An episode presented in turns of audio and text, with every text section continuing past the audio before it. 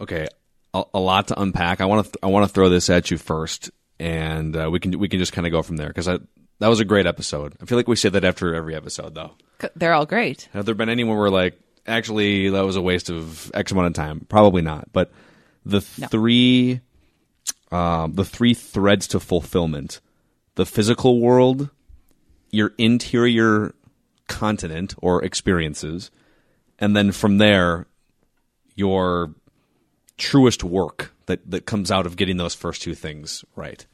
Uh, what do you think of that as a as a life map? And then on a scale of like one to ten, how confident do you feel in in each of those categories?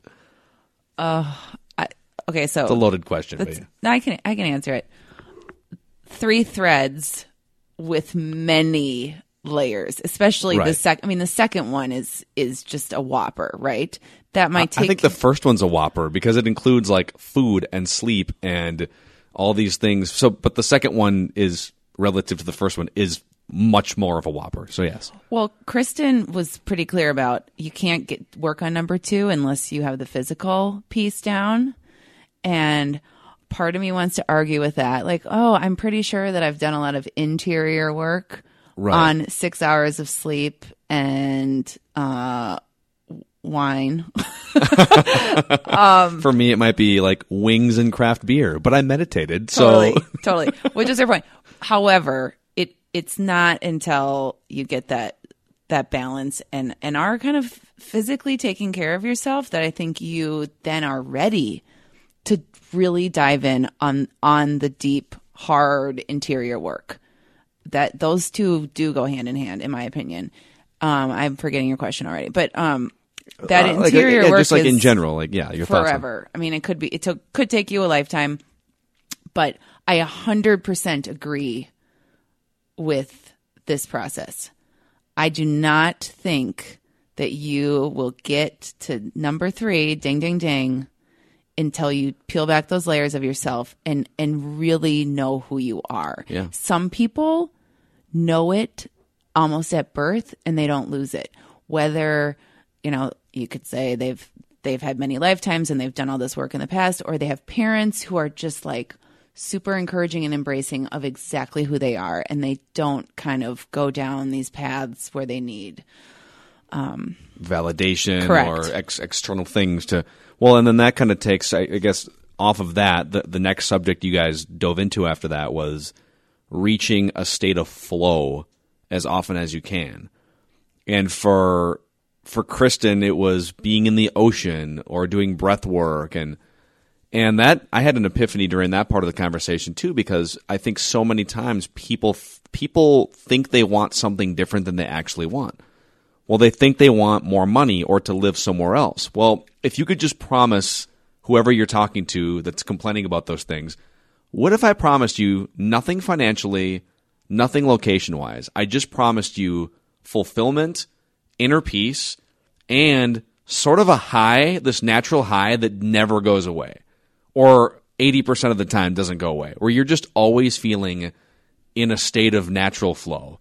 Would you take it not knowing how much money you make or not knowing where you live? I think most people at least should say yes, but um, maybe maybe maybe not. But I would say yes Uh, because money yes? money is a conduit to maybe make it make state of flow more available to you. Well, if I have money, I could have more freedom to do what I really want. if right? you knew what you really wanted. Right, and that's why this is a, a cycle. It is. Well, I would take it, but that's because you and I both have had enough of these experiences to know that we don't we we're open to what actually makes us feel happy and fulfilled. Like we've tried other paths. We we know. I mean, we know about the vacations, we know about having, you know, things and that those aren't always the answer. Yeah. That's that whole like how do you want to feel? This is a question that has come up many times this season. But how do you want to feel? Because we, just human beings, do not know how something is going to make us feel. We just assume because that is, you know, our society has programmed us to think that the Mercedes is going to make us Right. happy. But isn't it funny how, you know, we never reverse engineer our lives that way? We are, the, the question that gets asked is not, how do you want to feel in the end? It's, what do you want to do? Or how much money do you want to make? And not that those things aren't important to some degree, but the question's never, how do you want to feel? And then knowing how you want to feel, okay, now reverse engineer the things that would that would lead to that feeling on a regular basis. Isn't that amazing? It is amazing. I listened to a podcast. I think it was a, a Super Soul Sunday with Oprah, and um, the, the guest she had on described that as rebuilding your life from the inside out, which you can start doing at any time. But we we typically do it from the outside in. Yeah, and and and where that ties back in with state of flow, I think oftentimes we mistakenly try to find state of flow outside in, whether it's wine, right? Yep, you get keep it flowing. you get. I remember. I remember very distinctly one time. You talk about uh, Kristen's battles with depression, and I've gone through some similar, maybe not quite as distinctly and maybe as, as badly as Kristen, but depression's a spectrum, and I've gone through seasonal depression in my past. I've gone through um, other more serious kinds of depression, but maybe not as serious as as other people. So I'm not like a 10 out of 10 on the depression scale. I've probably peaked at like a 7. But I remember one time being in the middle of my first ever lengthy bout of like multiple months of depression. And I had just gotten done graduating college. So you take all the structure of classes and goals and checkpoints away. And I kept asking myself, what's the point of this? Why do I, who am I? All these deep questions that I never thought about for the first two decades of my existence. And then I remember thinking, sitting on the couch, I'll never forget this moment, sitting on the couch. And we always had beer in our fridge. It was still the, the house that I lived in my senior year of college that summer after you're done. And so you still have your college buddies living in the house. And so we always had beer all over the fridge. And I remember thinking, if I just got a couple beers in me, I would, I would, I'd feel much happier right now. And so I went in and I started drinking a Corona, a Corona Light with a lime in it. Because that was the beer we had in the fridge. I love this very specific memory. Yeah, well, it's one of those that'll never leave because because of the result of the moment was me thinking halfway through the beer, my dad has been on antidepressants for a long time. My dad developed a very serious drinking problem in part to cover up his depression. Even though like I don't have a drinking problem, I don't want this to be the start of fixing depression with alcohol or or some other form of cloud, right? So if you're trying to get into that state of flow as Kristen puts it, by making more money or drinking more or just like trying to build up some fake shifting external uh, whatever paradigm, you're probably not reaching a true state of flow, as she puts it. That's my conclusion. That's my epiphany. Namaste, Phil. That's really That's deep. incredible. That was really deep. That's but yeah. incredible.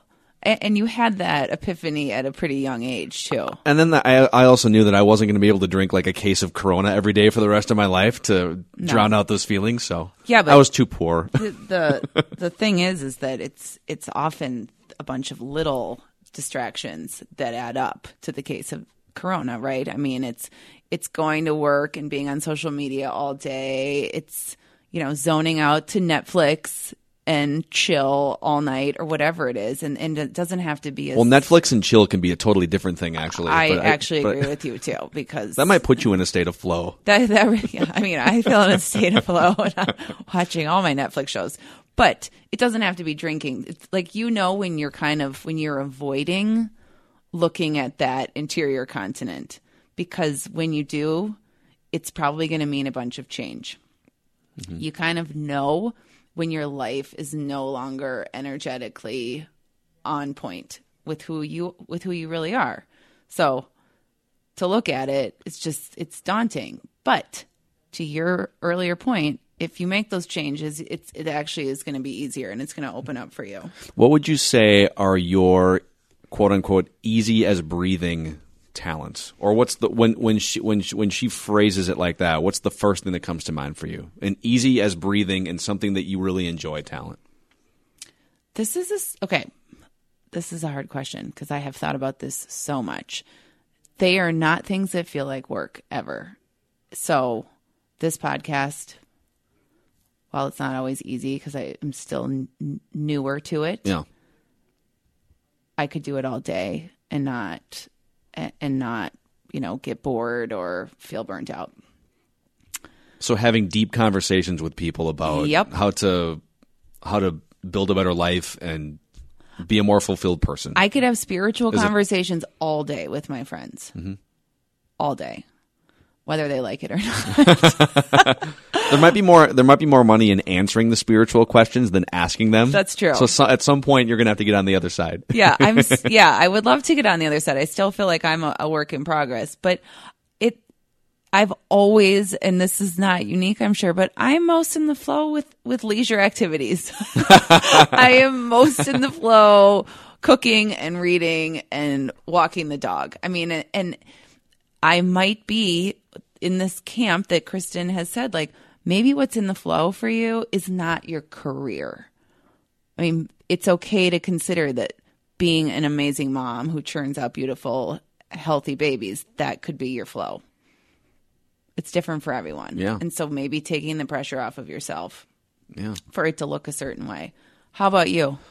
Um, man, I would say being bad at golf is one of is what puts me in the flow. Like I, there, that's there's a million things I could answer with. I think I think helping people create content that fulfills them. I mean, what I I'm, I'm producing your podcast, So here we are doing it, Phil. but you know, I would say because what I do during the day is I I entertain people for four hours a day on a talk show, and there are parts of that that aren't state of flow for me. I think if I could find the right time amount, sometimes that can be a really mentally draining just being on for that long. But maybe if there's a sweet spot for time, entertaining people and having engaging conversations, and just like being outside in great weather is not a talent, but it's something that puts me in a state of flow.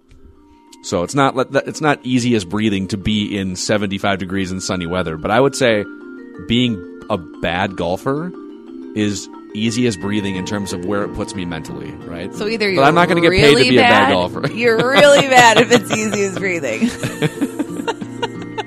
or you don't care.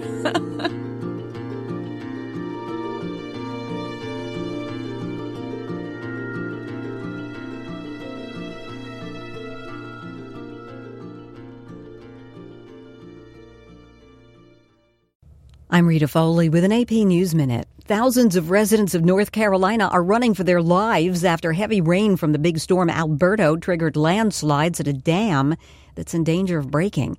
Missouri Governor Eric Greitens is resigning amid investigations about an extramarital affair and questions about campaign financing. I know, and people of good faith know, that I am not perfect. But I have not broken any laws nor committed any offense worthy of this treatment. Roseanne Barr is apologizing to those who lost their jobs now that her TV show's been canceled after she tweeted a racist comment about an advisor to former President Obama, Valerie Jarrett. First of all, I think we have to turn it into a teaching moment. I'm fine. That's Valerie Jarrett speaking there. Wall Street expected to open higher after a tough day yesterday. The Dow lost 391 points to close at 24,361. I'm Rita Foley.